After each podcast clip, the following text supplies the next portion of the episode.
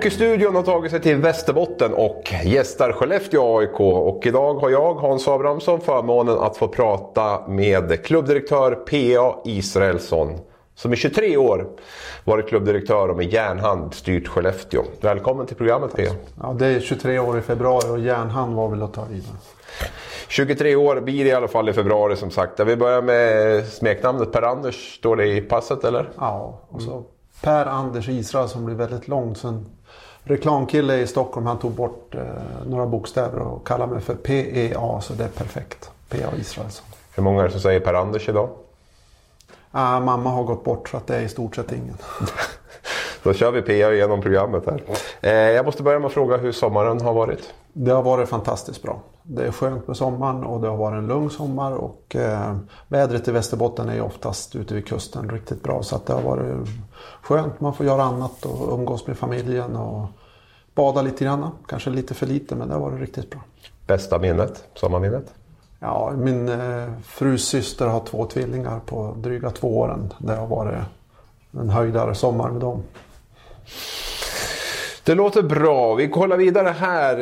Eh, snart 23 år då på posten. I februari blir det 23 år. Eh, du måste börja med att plocka ut lyckligaste ögonblicket under de här snart 23 åren.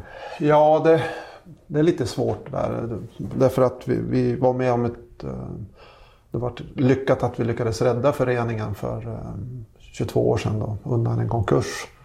Så det, det, måste vara med. Samt att, att när man åkte hem med, med SM-guldet från Luleå i bussen och satt längst fram och spelade en egen spellista. Spelarna satt bak i bussen och var nöjda. Vi alla drack öl. Och det var hejarop längs E4 ner till Skellefteå. Det, det, det, var ett sånt där minne som, som dyker upp ganska ofta. Mm. när man tänker tillbaka på den tid som har, har varit. Vi kommer att återkomma till de här höga bergen och djupa dalarna som den här resan har inneburit lite längre fram här. Men eh, 23 år, alltså det är ju vansinnigt länge egentligen för att vara klubbdirektör eller en eh, sportchef eller ja, i en, i en SHL-förening. Då. Stora delar har ni varit där. Hur har du, varför har du varit kvar så länge? I grund och botten är jag en föreningsmänniska. Eh, pappa och mamma var föreningsmänniskor och, och jag var engagerad i elevkår. Och, olika andra föreningar. Och, och när man kommer in så, så, har det varit en fantastiskt rolig resa. Det har varit olika delar i resan och det har alltid varit något nytt. Vi har eh, dels resan att ta oss upp till SHL var ju fantastisk men sen skulle vi bygga eller var delaktiga i att bygga om Skellefteå Kraft Arena och sen så skulle vi bygga ut Skellefteå Kraft Arena. Vi har byggt eh, C-hallen, en träningshall. Och det har varit, varit, olika steg hela tiden och sen inom hockeyfamiljen är det väldigt mycket trevliga människor. Så man, man, man har alltid någon att ringa och prata med och när man träffas så är det alltid trevligt. Så det, det, har varit riktigt underhållande år och jag har alltid tyckt att det har varit roligt att gå till jobbet. När har det varit riktigt nära att sluta någon gång? Ja, men någon gång så, så... Oftast när man känner sig uppgiven, det är väl när man har jobbat alldeles för många timmar och man, man får inte den där återhämtningen. Eh, det har väl aldrig varit så att jag har skrivit någon uppsägning eller så, utan det är ju... Man, man, man har lyckats ta sig igenom de tuffa perioderna, för det är klart att det har funnits sådana. Och de tre senaste säsongerna har vi tappat, tappat 30 miljoner. Så det är klart att det har varit tufft, men samtidigt så, så runt hörnet så ser man ju eh, möjligheter. Och, eh, vi har, det är fantastiskt bra personal, det är roligt att jobba med. Vi har styrelse som är bra. Och vi, man får engagera lite i olika projekt och hjälpa till och driva på olika saker. Så att det, nej, men det. Vad är det svåraste med att styra en SHL-klubb? Ja, det jag skulle vilja säga, när jag fick jobbet så ställde rekryteraren en fråga till mig. PA, hur bra är du på rekrytering? Och på den tiden, i den åldern och man, så då sa man ja, jag är jätteduktig på prioritering. Men under åren så har jag insett att, att den där frågan var fullständigt berättigad. Därför att det är det som är det svåraste. Hur prioriterar du? Ehm, man, man har en, en, I vårt fall så har vi en stor ungdomsverksamhet, vi har juniorverksamhet, vi har en seniorverksamhet, vi har restaurang och personal och så vidare. Hur prioriterar man eh, styrkorna på bästa sätt? Och eh, sporten är ju viktig för oss men samtidigt är ju marknad jätteviktigt och det är viktigt att du lagar god mat och det är viktigt att vi har ett bra samarbete med hockey. Hockeyettan och Hockeyallsvenskan. Och, och, så att där kommer ordet prioritering in. Och det, det, jag tror det är så för väldigt många oavsett om man jobbar stat, kommun, landsting. Men han pratar om att rekrytera och då är det rekrytera personal, rätt personal då till de här olika... Ja, alltså det, det, var, det var just det här, är du duktig på att prioritera? Mm. Och, och, det, är det, det kan jag tycka, det är, det, är, det är den stora utmaningen. Hur prioriterar man de resurser man har? Hur tänker man och så vidare. Hur tänker man? Ja, för oss har ju varit, vi har ju haft en vision som, som eh, har levt under många, många år. Det vill säga att vi ska tävla om SM-gulden varje säsong i en fullsatt arena med fem av tio spelare. Så för oss är visionen ganska tydlig. Att vi säger SM-gulden beror på att vi har startat upp ett damlag sedan tre säsonger. Och då blir det ju den här prioriteringen. Hur ska du prioritera ungdomsverksamhet, juniorsatsning kontra herrlaget? Hur mycket ska du investera i spelare, ledare runt omkring? Och sporten, vi har alltid haft duktiga människor som tränare, sportchefer och så vidare. Och det är klart att de vill framåt. Och många gånger är det idéer, tankar och så vidare. Man kan förändra saker med, med ord och man, man gör saker mer effektivt. Men många gånger handlar det också om resurser. Eh, jag tror ju att när man tränar så mycket som vi gör på till exempel på juniorsidan så är det svårt att ha ideella ledare. Utan du måste ha heltidsanställda med personer. Och nu när man startar upp ett damlag så inser man ju också den komplexiteten med att gå på is, de har ingen ersättning. Eh, och så ska vi få tag i lagledare, vi ska ha tag i materialförvaltare och du ska bestycka en, en ny organisation. Det är också en utmaning. Men det, så, så är det i föreningslivet att det, det är eh, det är många prioriteringar och det, hur, hur driver man det är inte alltid så enkelt. Hur duktig är du på att delegera? Jag har nog varit mindre bra men jag tycker att jag har blivit duktigare och min ambition är ju att jag har ju några år kvar i föreningen förhoppningsvis. Och det är ju någonting man måste jobba allt mer med och det är ju leda, fördela och följa upp. Och jag kan tycka ibland just det här följa upp, det är en utmaning i sig själv också. Och framförallt när man ser på hur mycket folket jobbar också. Hur mycket ska du driva din organisation framåt? Eh, sen gäller det att man har rätt strategier, att man har rätt tänk och hela den där saken. Sen i den här branschen så, så vi vurmar ju, vi vill ju vara överallt. Vi vill ju hjälpa till. Och, eftersom vi, och det, har vi, det, är ett, det är ett måste alltså som, som SHL-klubb så har man ett ansvar gentemot eh, andra föreningar och så vidare för att utveckla hockeyn i vår bygd. Mm. Jag har ju varit på Sportbladet nu tror jag, snart 15 år. Eh, jag har ju mött dig en hel del i jobbet och så här. Det känns som att du är, du är påkopplad väldigt ofta. Du brinner mycket för det här och du, liksom, du vill få saker framåt och så är det. Jo men så är det. Jag menar jag är en, en, en doer. Jag, jag, jag vill framåt. Och, och, eh, och sen är det det att menar, vi har ju haft många diskussioner. Det har ju varit hårda diskussioner ibland och det, det är någonstans, Lenin sa ju några kloka ord i alla fall. Eh, om man får rycka ut att tes antites blir en syntes. Och det är ju dialogen när man möter människor. Och det är också viktigt att folk vågar säga vad man tycker och tänker. Och det kan jag tycka ibland generellt sett i samhället idag.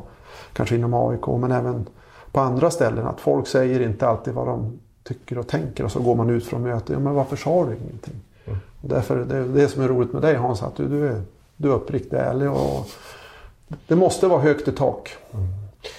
Vad gör du för att koppla bort jobbet?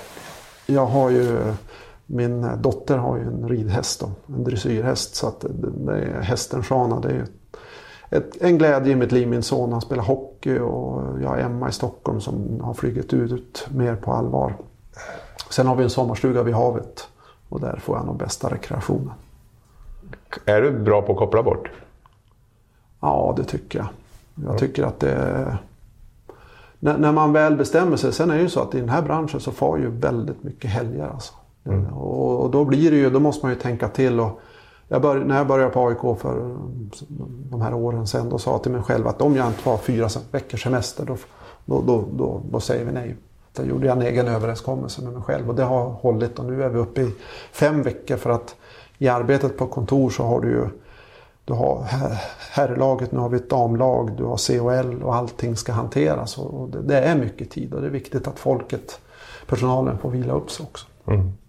Eh, kommer du köra vidare till pension i Skellefteå AIK? Ja, vi får väl se. Det, det, just nu så tycker jag att det är roligt. Men sen är det, det är klart, om man varit här i 23 år, det kanske behövs nya krafter i AIK också. Men, men jag har ingen annan ambition. Och, vi har en ny styrelseordförande som har kommit in och vi har lite nya människor i organisationen. Så att någonstans så, så står man väl för någonting som är kontinuitet. Mm. Just nu i alla fall. Ja, jag tänkte vi skulle börja med att prata lite dåtid för att sedan komma in på nutid och även framtid. Då, eh, var Skellefteå befinner sig och vilka utmaningar som finns och så. Men om vi börjar med, med det som var. Så du kom in 1997. Ja. Eh, om vi backar till det årtalet där, hur illa ute var Skellefteå AIK då?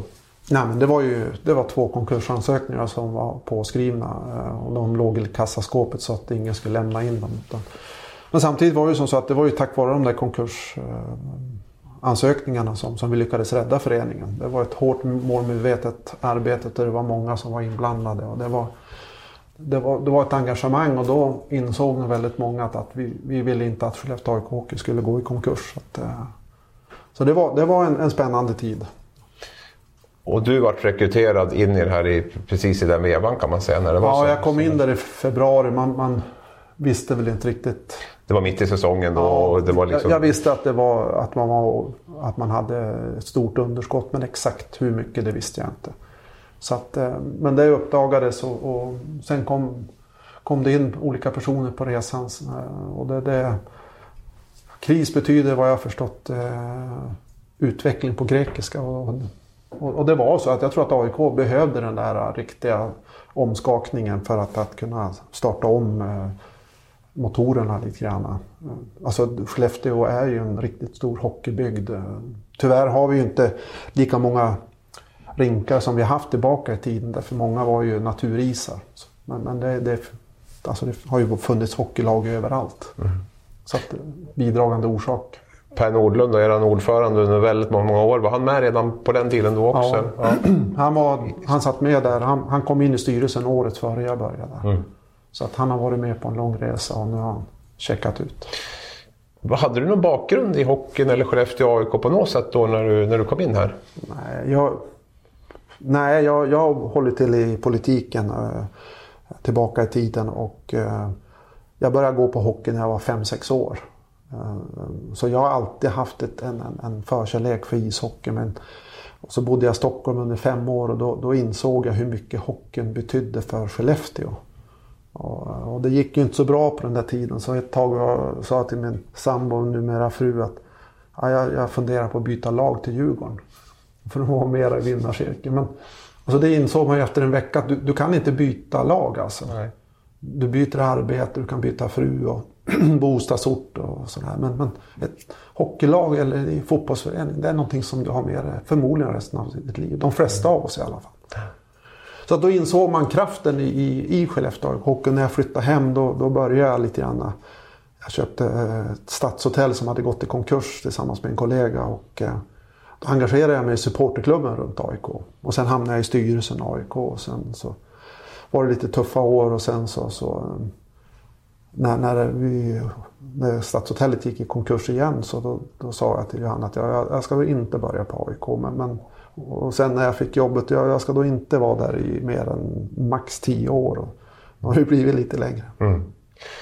Såg du redan, hade du redan då liksom någon tydlig plan om vart ni skulle eller var det bara att försöka gå in och, och, och rädda för stunden eller, eller hur, hur såg det ut? Då? Alltså den här bygden är uppvuxen mycket på hockey och man vill se riktigt bra hockey. Mm. Så det är klart att, att omgivningens förväntningar finns, har ju funnits där.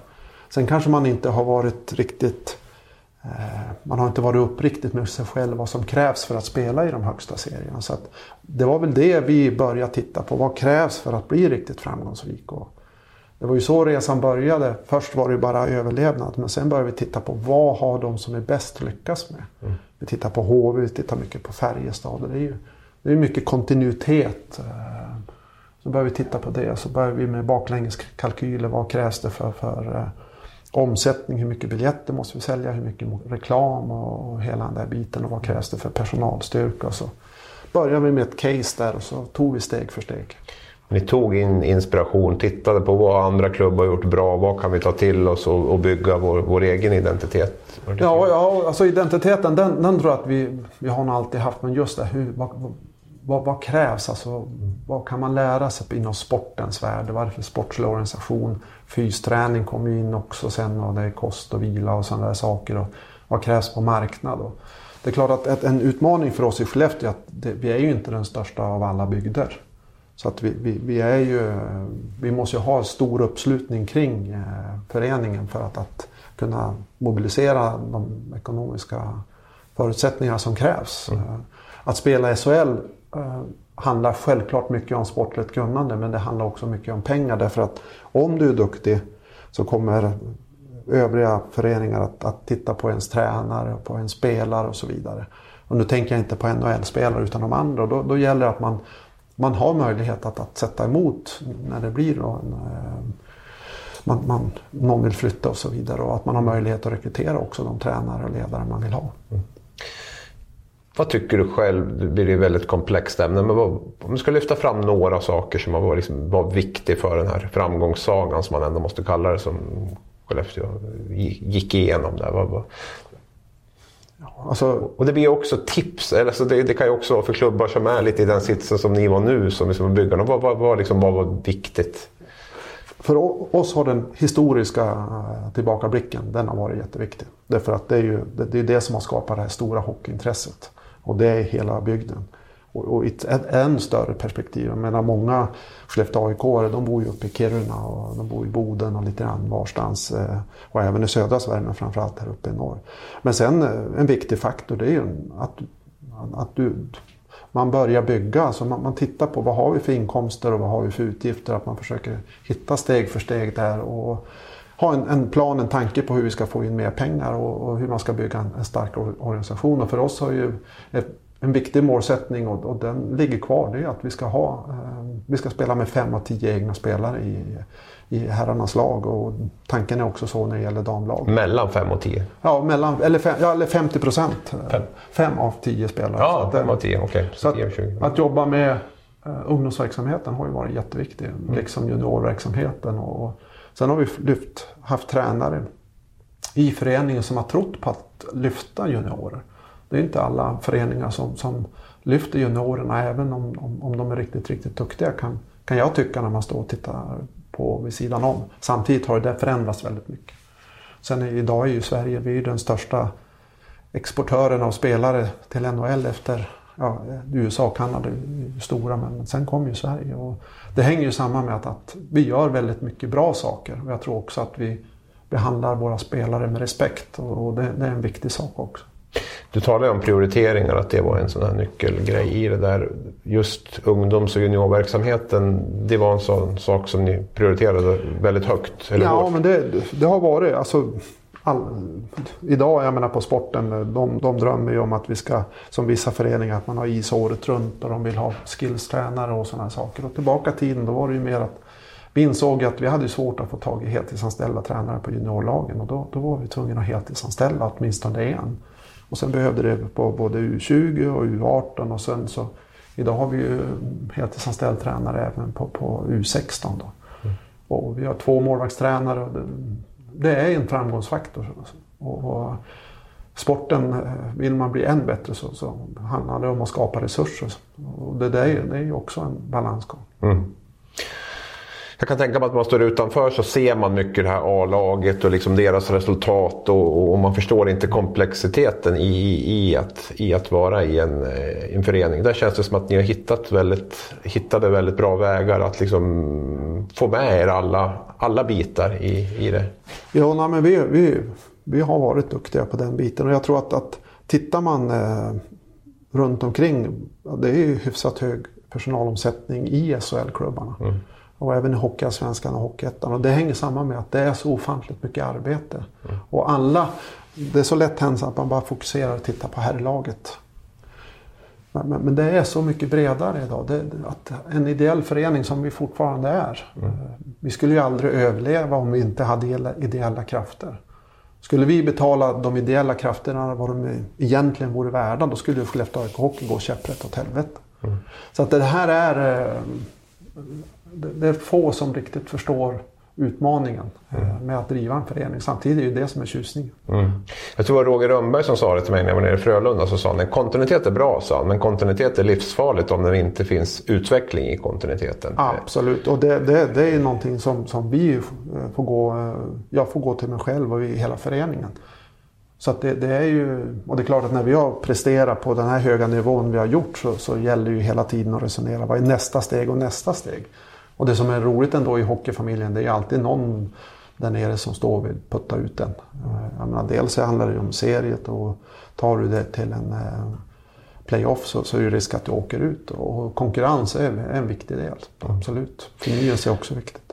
Ni hade ju en helt fantastisk svit där. Ni hade sju finaler på åtta år ja. mellan 2011 och 2018 blir det väl då. Uh,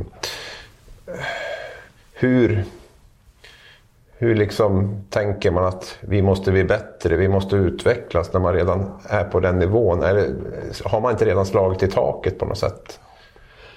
Ja, det är ju, de flesta teorier säger ju så att du når taket. De pratar om S-kurvor och det finns andra olika uttryck för det där. Och det, det är klart att då är det ju, det är ju lätt hänt att man, att man sitter nöjd i båten.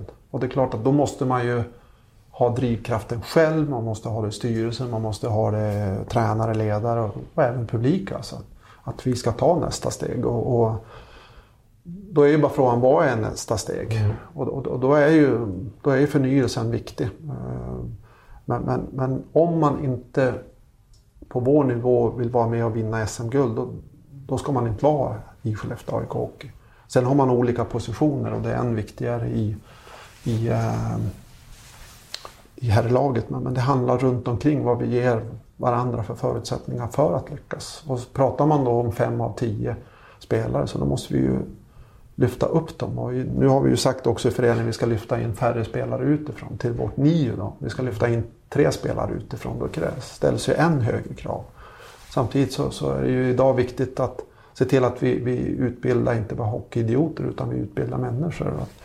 Det med matchkultur är viktigt för oss. Eh, att vi uppträder på ett gott sätt. Att, att vi ger eh, de hockeyspelare som vill satsa på skolan den möjligheten också. Så det, det, det, är många parametrar som spelar in. Men, men, det gäller ju att vilja ständigt vara på väg mot ett nytt mål. Mm. Och det är klart att, att, när det har gått så otroligt bra som det har gjort så, så är det mycket möjligt att man, man stannar upp lite grann. Och det är väl det vi hoppas att vi eh, med lite förändringar i föreningen nu kanske kan sikta högst upp igen. Du måste väl också ha känt eller den här mättnadskänslan någonstans under den här resans gång. Eh, efter de här dubbla SM-gulden och så. Eh, kan du känna så i efterhand? Ja, no, alltså de som kan svara på den frågan det är de som är runt omkring mig. Men det, det är ju så att, att för mig så, så, tycker jag att det som har varit har varit. Alltså det, du, du, lever aldrig på gamla meriter utan det är bara nästa steg framåt och så vidare. Det spelar ju så ingen roll vad det än handlar om i livet.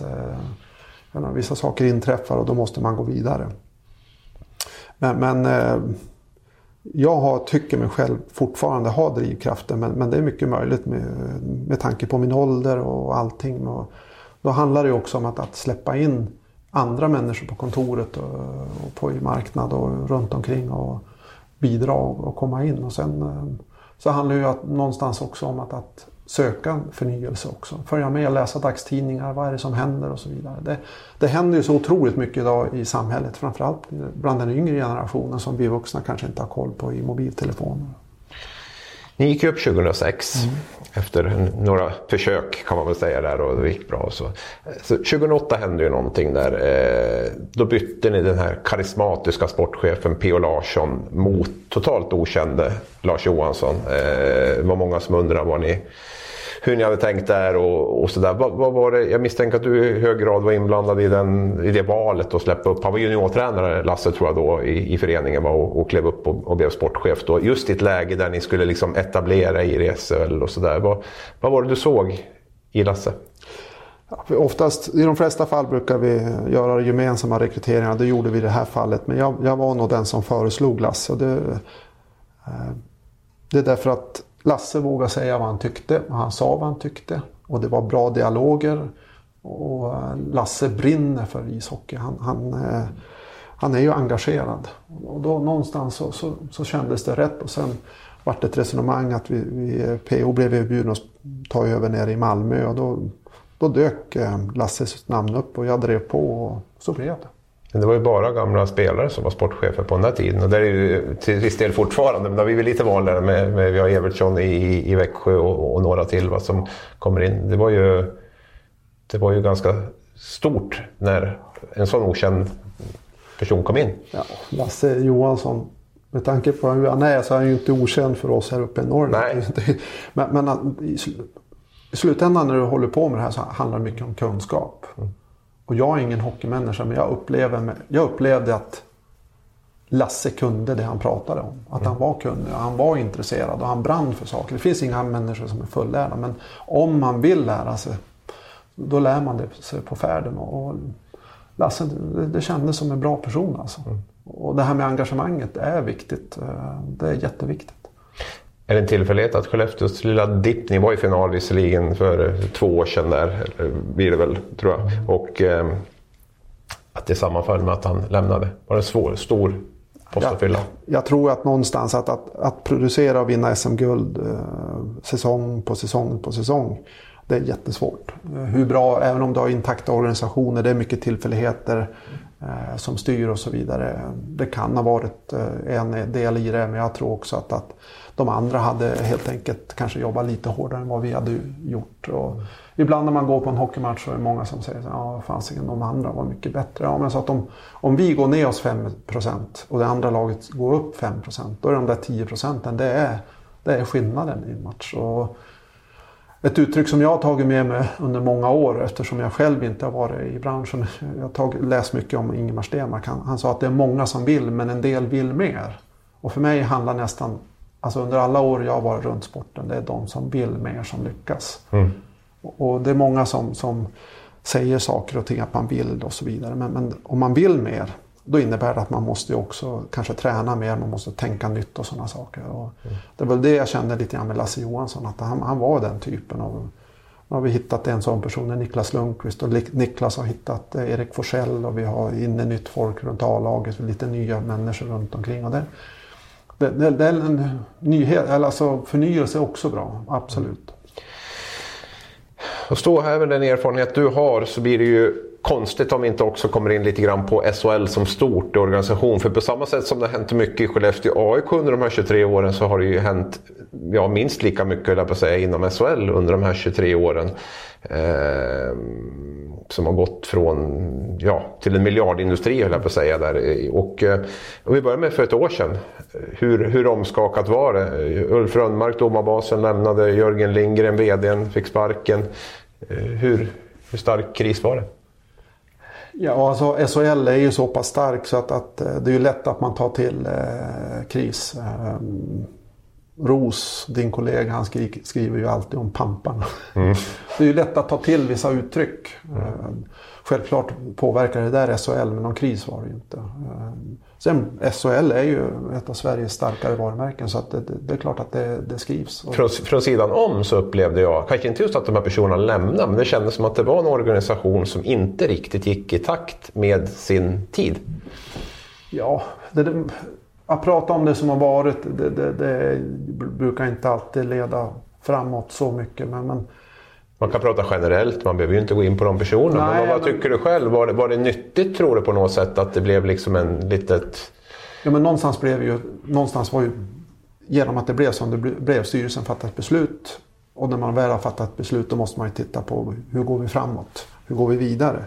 Och inom SHL generellt sett under alla år jag har varit med, eh, och det börjar det, 13 säsonger och sånt, så, så har alltid det varit högt i tak i SHL. Och man, man har jobbat tillsammans, det, det, man, man, respekterar varandra, man, i vissa lägen så har man omröstningar om, om, vissa beslut. Men oftast har man ju haft konsensus, det vill säga att vi har varit överens om vilka vägar vi ska gå.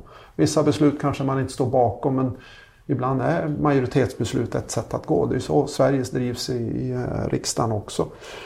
Och, och, SHL har gjort mycket och sen var det några saker som, som, eh, som skedde på vägen där och det blev en förändring och Jörgen byttes ut. Men, men sen var det ju kvar några stycken på, på kontoret och det har kommit in nya krafter. Och, och SHL eh, känns stabilt idag. Eh, sen, sen är vi ju en, en, en storebror och SHL ska ju alltid kritiseras och det är lätt hänt att gå, där finns det pengar. Och, och, och det är ju sant i viss mån. Men, men det blir också... SHL vill ju vara en stark aktör i hockey-Europa också så vi ska ju hålla ihop. Ja, också bidra till Tre Kronors utveckling och SDHLs utveckling och så vidare. Så det, det är en mängd faktorer som spelar in. Men nu är det ju så här att SHL är ju inte Jörgen Lindgren eller Mikael Marshall. Eller, SHL är ju klubbarna, det är ju ni. Det är ju egentligen ni som driver agendan. Så att det, är egentligen, alltså det handlar ju inte om att hänga ut enskilda personer utan det är lika mycket Skellefteå eller Frölunda eller Brynäs eller Malmö som, som är SHL på något sätt. Om du ska vara självkritisk då, liksom, för Skellefteå har ju också varit delaktig i den här processen. Vad, vad, tycker du själv att ni kunde ha gjort annorlunda? För det fanns ju ett enormt missnöje med SHL. Eh, de senaste två åren har det ju varit så. Inte det här, inte nu, men fram till, till förra hösten åtminstone. Men den stora diskussionen som var, som var uppe, det var ju det här med wildcard. Mm. Det var ju då det vart, då vart det ju riktigt. Och, och man kan säga runt... Arenakrav också. Ja, men arenakrav är ju någonting som Svenska ishockeyförbundet hade från början. Mm. Långt innan SHL var så stark som, som, som SHL är idag. Och till exempel Skellefteå AIK Hockey, vi har ju anpassat oss till de arenakrav som Svenska ishockeyförbundet hade ställt upp för evenemangsarena. Men SHL har ju också tryckt på i den här arenakraven. Jo, men det har också varit Ja, självklart har SHL varit med i processen, men det har ju också Svenska ishockeyförbundet. Mm. Och, och någonstans ett arenakrav det är också därför att man vill att en produkt ska kunna vara på en viss nivå för att man ska kunna utveckla produkten ishockey. Nu har man förändrat arenakraven och vissa andra krav kvarstår. Jag menar medieavdelning, tv-plattform och sådana saker. Men jag menar alltid när det, när det sker saker och ting så, så får man gå till sig själv och granskas. Vad, vad har jag gjort? Och, och... Jag, jag avbröt dig med wildcarden. Du ska fortsätta berätta om det, för det, det, känner du själv att det var en sån här... Och vi ska förklara det så var det ju att, att man skulle inte behöva gå upp på sportsliga kriterier utan man skulle kunna... Det var en... Det var en tanken var att försöka få, eller var, det var att man skulle ge wildcard, wildcard till Djurgården till Malmö. Och sen så skulle SHL vara öppet igen. Och det där var nog inte så klokt tänkt av oss. Därför det blev tokigt på resan och respekten för, för Hockeyallsvenskan och även division 1-klubbar. För att för oss i Skellefteå så har alltid drömmen att kunna ta sig upp till den högsta serien. Det har varit en viktig eh, faktor. Och, och vi har aldrig klarat av att utveckla Skellefteå AIK Hockey om inte vi har haft visionen vi ska tillbaka till elitserien som det hette då. Och, och, och, i det sammanhanget då blev ju det här med wildcards, då blev det ju en förolämpning mot Hockeyallsvenskan och så vidare. Samtidigt så, den, det som blev bra i det här beslutet, det är ju att sett ur Hockeyallsvenskan det är att nu är det 14 lag i SHL som har möjlighet att spela i högsta eh, serien.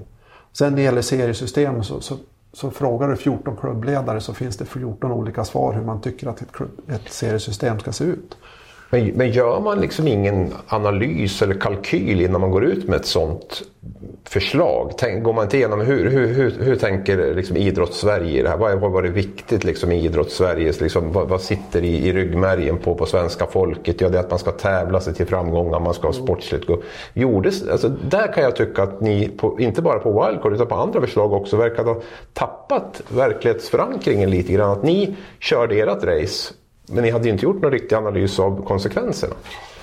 Det var, det var nog en tokig analys där. Men oavsett så var det ingen som, i SHL som var inne på att stänga så att säga efter wildcarden hade effektuerats. Efter en säsong skulle det vara öppet precis som vanligt. Så att, att på så sätt så, så var det kvarstod. Sen, sen, kanske, sen, sen blev det något misstag det där. Det vart inte bra. Och, och, men, men, men Ibland står det också, det skrivs om att, att SHL har varit inne på att stänga sin liga. Alltså. Under alla år så, så, är det ytterst få personer inom SHL som har pratat om att stänga SHL. Mm. Ytterst få. Eh, så att det är... Eh, och det beror ju på att många av oss som, som är i SHL idag har spelat i Hockeyallsvenskan. Jag menar, om du tar bort drömmen då, då, då, tappar hela, eller svensk hockeykonceptet. Mm. Så enkelt är det. Men det jag kan känna spontant utifrån är att ni har varit ganska dåliga på att liksom förklara era förslag och, och, lägga ut dem på, på, på era villkor lite grann och liksom talat om och förklarat runt det. Utan det blir väldigt mycket... Eh, det har inte funnits någon riktigt bra kommunikation utåt. Det där, jag, är ju inte, jag är inte inblandad i SHL på den nivån som man ser kommunikation. Jag kan bara konstatera att det gäller journalister och så vidare. Jag, menar, jag har kontakt med dig till och från, jag har kontakt med några journalister. Det är klart att det är ju som du säger, det är en dialog. Och, och, det är mycket möjligt att SHL har brustit på den punkten. Man har haft den här pressdagen som man nu har. Och, och, men det kanske inte räcker. Utan det är självklart, man måste kommunicera med varandra. Och sen det är ju samma sak också att kommunicera mellan Svenska ishockeyförbundet, SHL mot Hockeyallsvenskan och så vidare. Sen har vi olika agender beroende på vilken mm. nivå vi är på. Mm. Men jag kan tycka mellan varven att vi, vi tänker för lite generellt sett på svensk hockeys bästa. Mm. Och då tänker jag på SDHL, SHL, Hockeyallsvenskan och hela vägen ner till division 2, division 3. Hur, hur nu håller man ju på med ett stort hjärnskakningsprojekt som, som känns jättepositivt och det finns mycket annat som är på gång. Alltså, men vi har viktiga faktorer och vi, vi behöver fler ishallar. Det är, jag skulle vilja säga att svensk hockeys absolut största utmaning det är att vi har för få ishallar. Mm. Och vi behöver samarbeta. Och, och, jag tycker ändå att det finns en, en, en, en dialog men, men, jag tror att vi kan bli än bättre på dialogen och, och nu kommer ju SHL-klubbarna att skjuta till pengar från och med nästa säsong till de här sportkontoren. Mm. Eh, och jag tror att det kommer att eh, förhoppningsvis bli, någonting bättre av. Men känslan är ju att viljan att hjälpa till har blivit mycket större på grund av den här debatten och det här som har varit. Att den inte riktigt fanns förut på samma sätt. Jag, jag tror också att, att vad, tittar man på till exempel, lägger du upp ett årsschema och så lägger du in alla SHL-matcher och så lägger du in SDHL eller damettan och så lägger du in U20-matcher allihopa. Så lägger du in alla möten och så vidare. Och så dessutom så, så har vi SHL-klubbar varit för lite på de här olika mötena med hockey, eh, alltså våra, i våra regioner och våra distrikt och så vidare. Men jag tror på de senare åren så har vi SHL-klubbar varit mer engagerade i distrikten och regionerna och så vidare. Och, och, det är klart att då möter man varandra på ett annat sätt och det är därför jag tror att vi har fått ett annat klimat. Sen, mm. sen har vi en, en lång väg att vandra men det håller på att bli bättre. För mig, vi ska avsluta den här diskussionen med SHL nu. För mig känns det ju givet. SHL är det stora flaggskeppet nationellt. Det är ingen tror jag som ifrågasätter det. Men SHL kan aldrig överleva och vara bra om det inte finns en miljö under som, som mår bra. Som kan producera spelare som, som kommer upp. Om inte allsvenskan kan innehålla eh, spelare som kan hålla på på heltid. Eh, så kommer de knappast att kunna förse SHL med spelare. Och lika med ettan under. Alltså, det måste ju finnas en trappa uppåt. Ja, och det, det känns ju givet. Jo, men det, det, handlar också om, om, om eh, juniorhockeyn. Hur ser det ut? Och det handlar om att eh, om damhockeyn, hur ska vi utveckla damhockeyn? Alltså, vi är 50% män och 50% kvinnor i Sverige. Mm. Och jag menar, vi, vi, måste ju hitta än bättre vägar att vandra när det gäller damhockeyn i Sverige. Men ett jätteproblem i alla fall i Skellefteå det är att vi inte har isytor för att kunna hjälpa till tillräckligt mycket. Och det är klart att om man sätter på sin spets så, så för att dra igång än fler flicklag då i Skelleftebygden. då måste vi dra ner på, på killverksamheten som då påverkar på våra möjligheter att ta fram egna spelare till, till herrlaget. Så att vi är ju en katalysator i att försöka bygga tre hallar till i Skellefteå. Och jag vet runt om i Sverige så, så är det ju ett jättestort behov av att bygga ishallar. Bra det. Eh, nu kör jag fem snabbfrågor och då vill jag ha snabba svar. Ja, det blir spännande. Ja, vi bryter av med det lite grann mitt ja. i här. Eh, din favoritspelare i Skellefteå AIK under de här 23 åren? Ja, jag måste nog säga Per Mikaelsson. Bör ettan i Hockeyallsvenskan flyttas upp direkt till SHL? I Hockeyettan? Eh, I Hockeyallsvenskan. Ja. Bör ettan i Hockeyallsvenskan flyttas upp direkt till SHL? Ja. Segraren? Ja. När spelar Björklöven i SHL? Jag hoppas nästa år. Svampplockning eller musikal? Musikal. När tar Damkronorna medalj i ett mästerskap igen? Flexibility is great. That's why there's yoga. Flexibility for your insurance coverage is great too. That's why there's United Healthcare Insurance Plans. Underwritten by Golden Rule Insurance Company, United Healthcare Insurance Plans offer flexible, budget friendly coverage for medical, vision, dental, and more. One of these plans may be right for you if you're, say, between jobs, coming off your parents' plan, turning a side hustle into a full hustle, or even missed open enrollment. Want more flexibility? Find out more about United Healthcare Insurance Plans at uh1.com. när man drar ner på antalet utländska spelare i SDHL. Kanske om tre, fyra år förhoppningsvis. Bra, det var de fem. Nu ska vi gå över till lite grann om Skellefteå nu tänkte jag. Där vi befinner oss ungefär.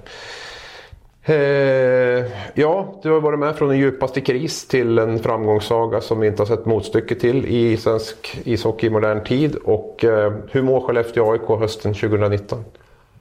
Det känns som att vi mår riktigt bra. Det, det är bra eh, go i organisationen. Eh, vi har en ny sportchef, Niklas Lundqvist, som har en ny GM på herrlaget och en ny på GM på damlaget. Och, eh, vi har, spelartruppen känns jättespännande. Ikväll spelar vi ju klockan sex mot Bern så att det ska bli riktigt roligt att se var, var vi står där. Och sen så på marknad så, så reklamförsäljningen ser riktigt, riktigt bra. Vi känner väl att på säsongskortsidan så är vi inte riktigt uppe i de gamla nivåer. Men, men vi har ju, idag konsumerar man ju hockey på ett annat sätt än tidigare. Man, det är inte bara att man är i arenan utan man tittar på, på mobilen och i tvn där hemma. Och så vidare. Så jag tycker ändå sammantaget eh, mår föreningen bra.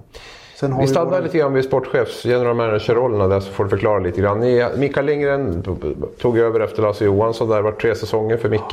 Eh, nu har ni gjort en två, tvåpartslösning höll jag på att säga. Där Niklas Lundqvist och Erik Forsell, då, er gamla centerikon, har kommit in. Hur, hur ser fördelningen ut där?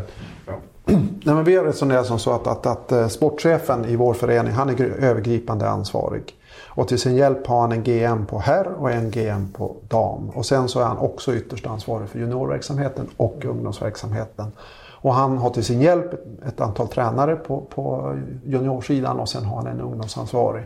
Och på så sätt jobbar med. Och tanken då med, med GM, Erik, det är, det är att han jobbar mycket mer specifikt med herrlaget.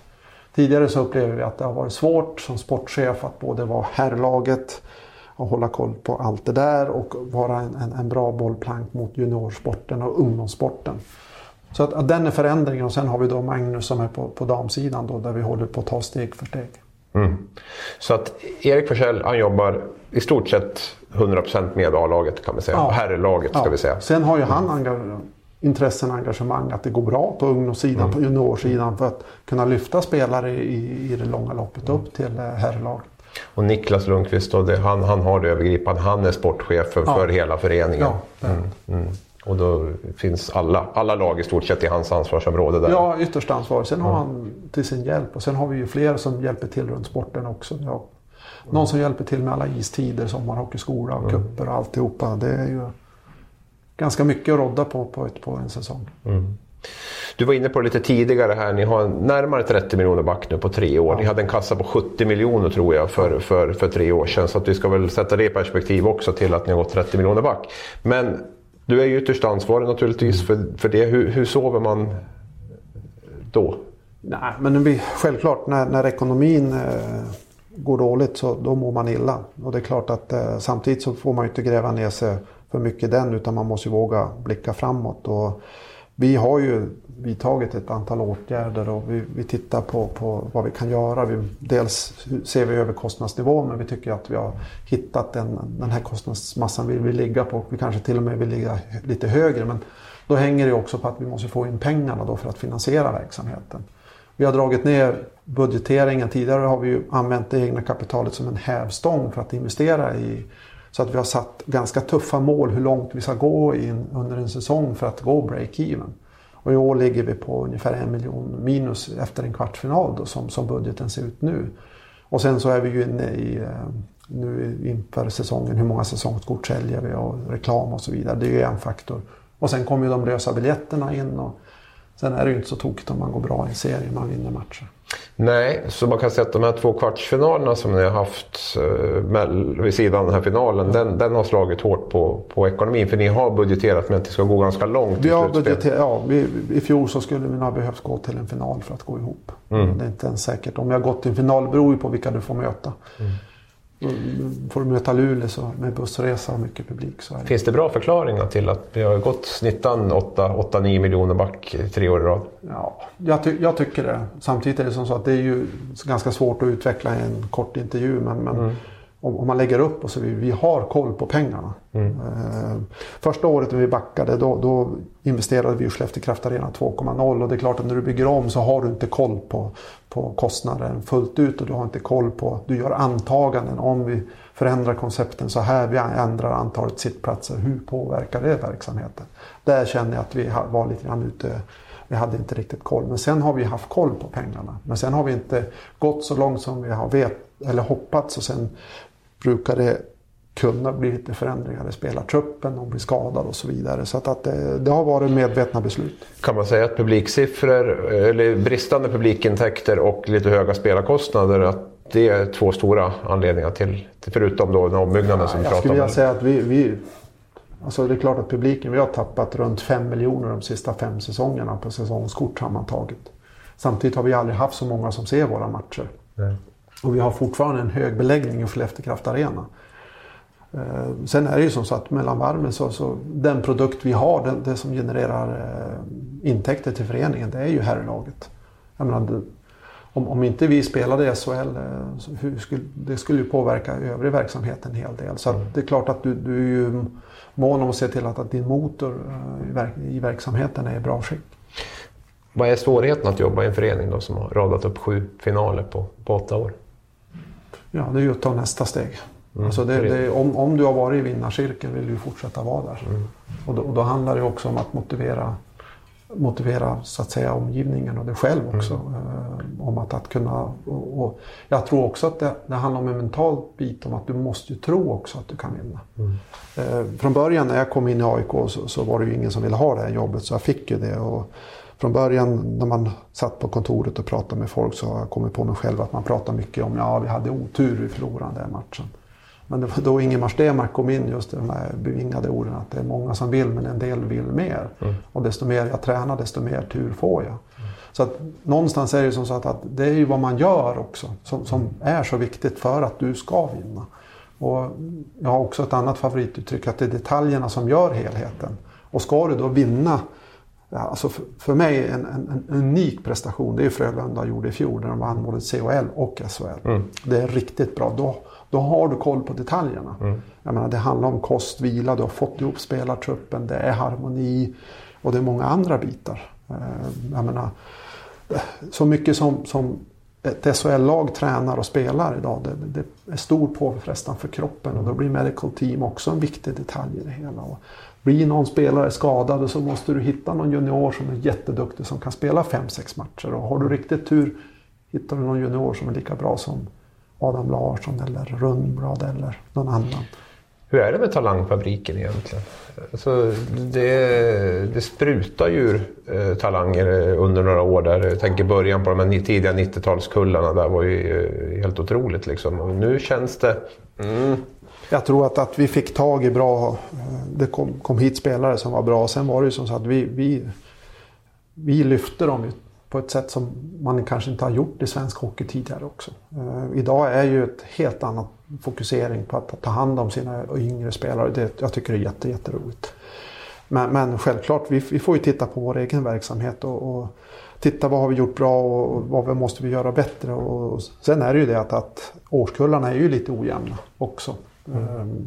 Det beror lite grann på att vi har ju fortfarande ideella tränare eh, upp till till, eh, kan man säga, till U16 eller U15. Och det är klart att det, det, hur stort engagemang är det i tränarkåren på ungdomslagen och så vidare. Och, alltså, det är ju inte, jag menar i Finland, nu vet jag inte fortfarande om det är så, men, men för x antal år sedan då hade man, hade man ju tryout på U, U9-lag. Och det är klart att då, då för du ihop de bästa. Mm. Jag menar, hos oss får alla som, som, som vill vara med i AIK, de får vara med och spela. Och man spelar efter hur mycket istid man har i ungdomslagen. Det är klart, det har ju också en faktor.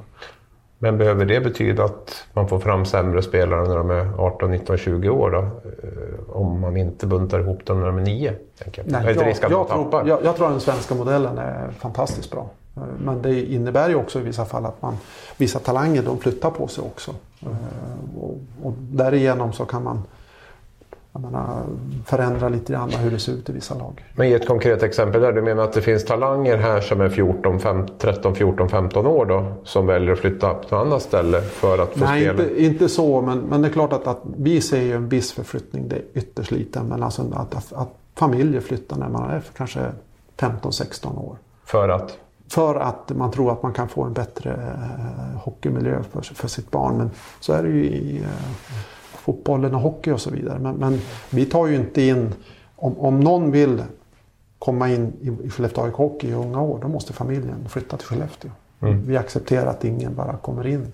Sen har vi ju ett, ett intag till NIU eh, när du börjar gymnasiet. Mm. Och där har vi sagt att vår målsättning är bara att plocka in tre spelare utifrån.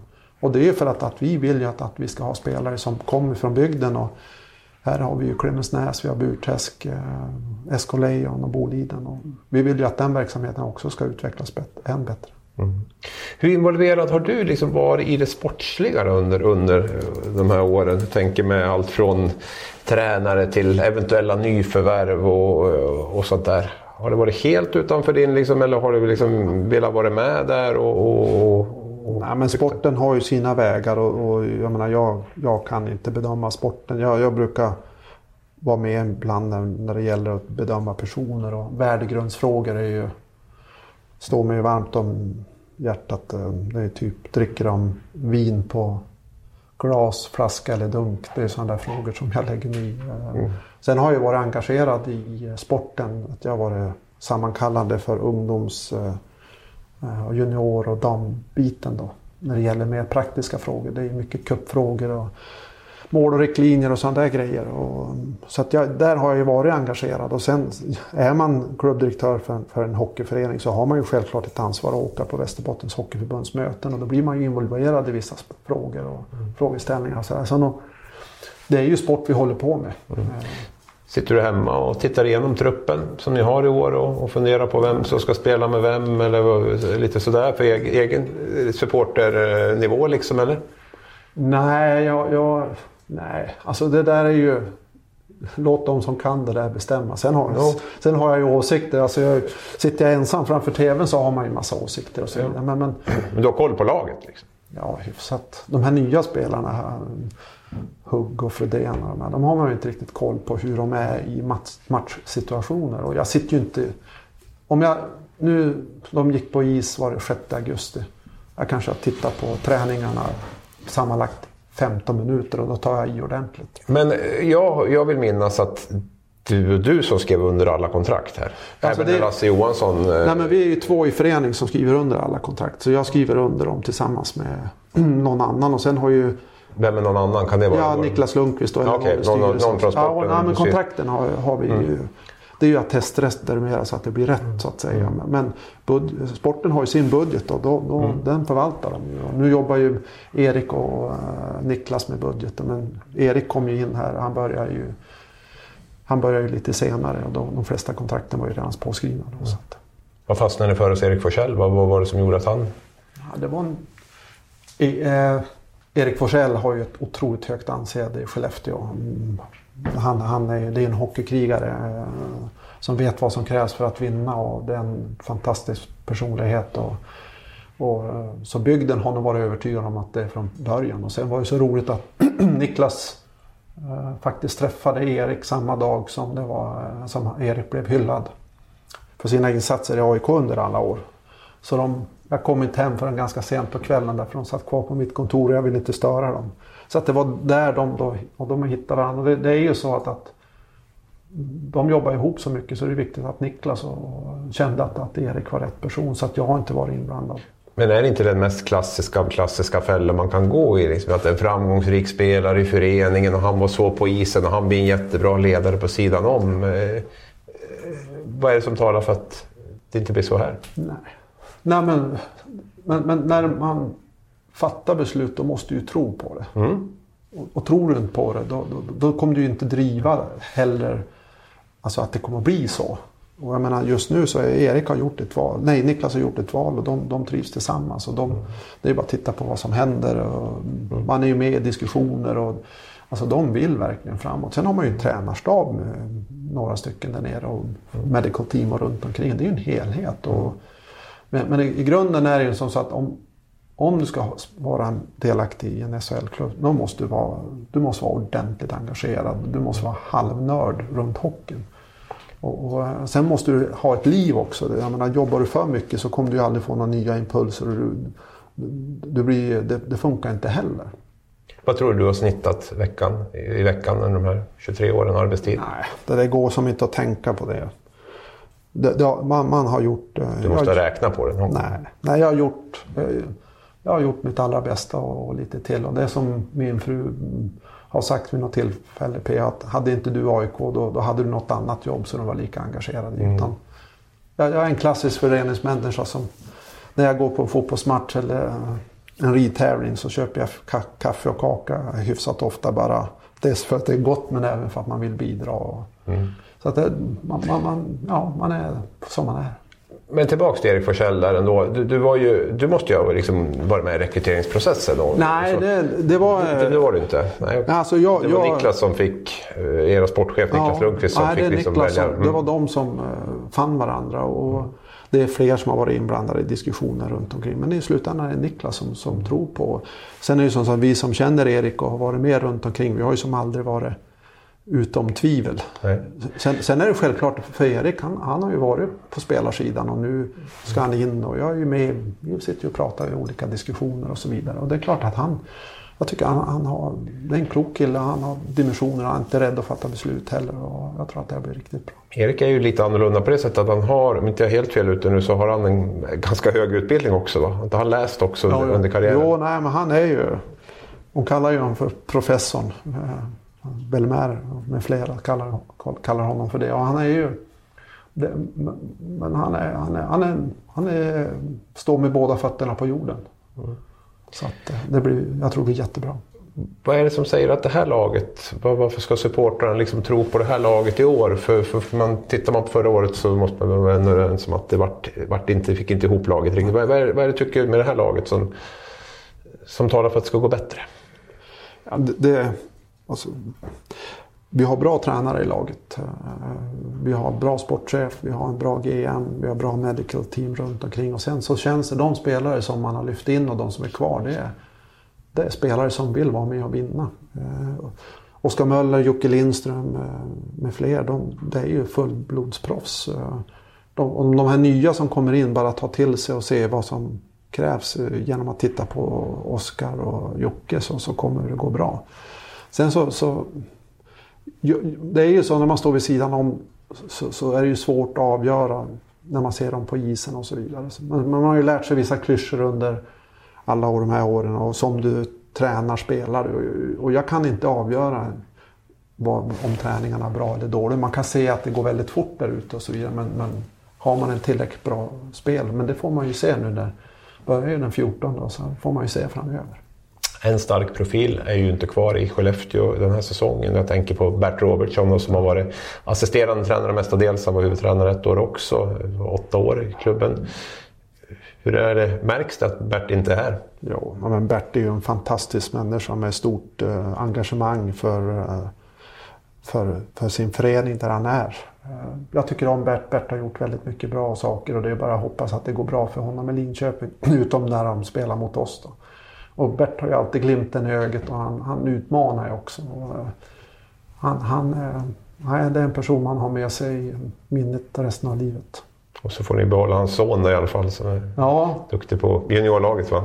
Jo, nej, men Simon han har ju också uh, stor talang och en duktig kille. Och, så att det, men det, det, det, det, kan vara jobbigt kan jag tycka när man är, har varit med så många år att, att det kommer och går. Jag menar, personer som Magnus Wernbloom tog, gick ju vidare. Antos tog sig vidare. Hadelöv tog sig vidare. Och, men, men, så är det ju. Man, vissa spelare slutar. Pontus Pettersson han slutade. En sån där stor personlighet. Och så började han på ett arbete och så efter ett år blev han platschef och så vidare. Mm.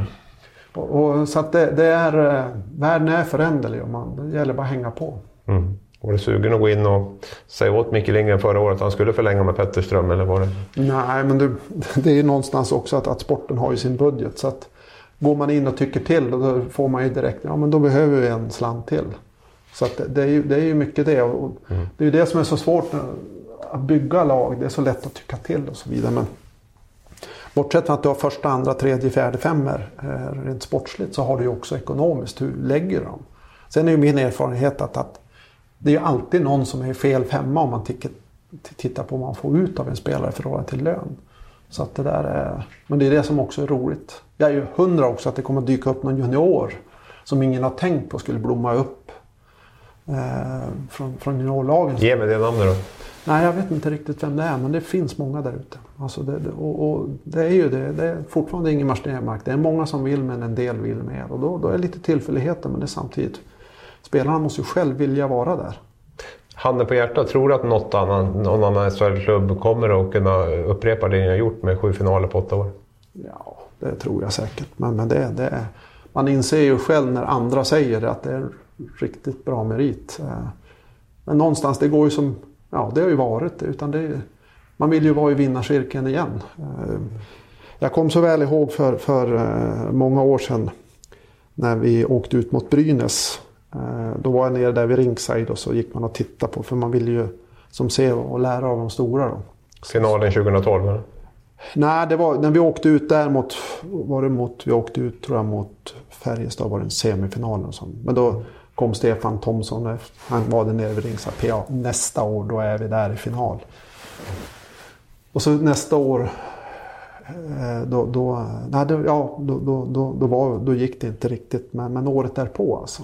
Och, och Stefan Thomsson är ju en sån här person som är en vinnartyp också. Som, som vill Er fystränare ska vi lägga ja, till här för de som inte... Som är med och bidrar och, och ser till att, att, man, man eh, att man presterar. Och, och någonstans är det ju som så att man måste veta vad som krävs för att lyckas. Och, och, jag tror inte riktigt vi alla förstår hur mycket tid som läggs ned på träningen idag i ett modernt eh, SHL-lag. Tillbaka i elitserien kanske det var annorlunda men idag tränas det hårt.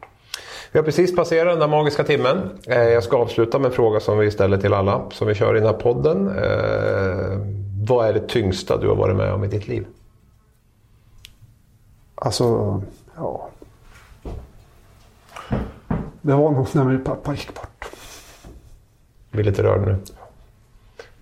Hur, hur länge sedan var det? Ja, det är över 20 år sedan.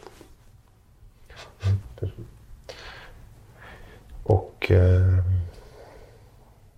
det var redan innan du började på, på det här jobbet här? Eller? Jo. Den gamla var pappan, han var ju björklövare. Så att... Var pappa björklövare? Ja, han, han, var en fantastisk person. Han var, hade ju sex års skola, då, folkskola. Så gav han sig in i politiken och gjorde det väldigt bra. Och var engagerad i Moderata samlingspartiet. Och, och sen fick han en hjärnblödning. Nej, det var känsligt. Okej, då säger jag tack så hemskt mycket till P.A. Israelsson och eh, lycka till den här säsongen. Ja, tack så mycket.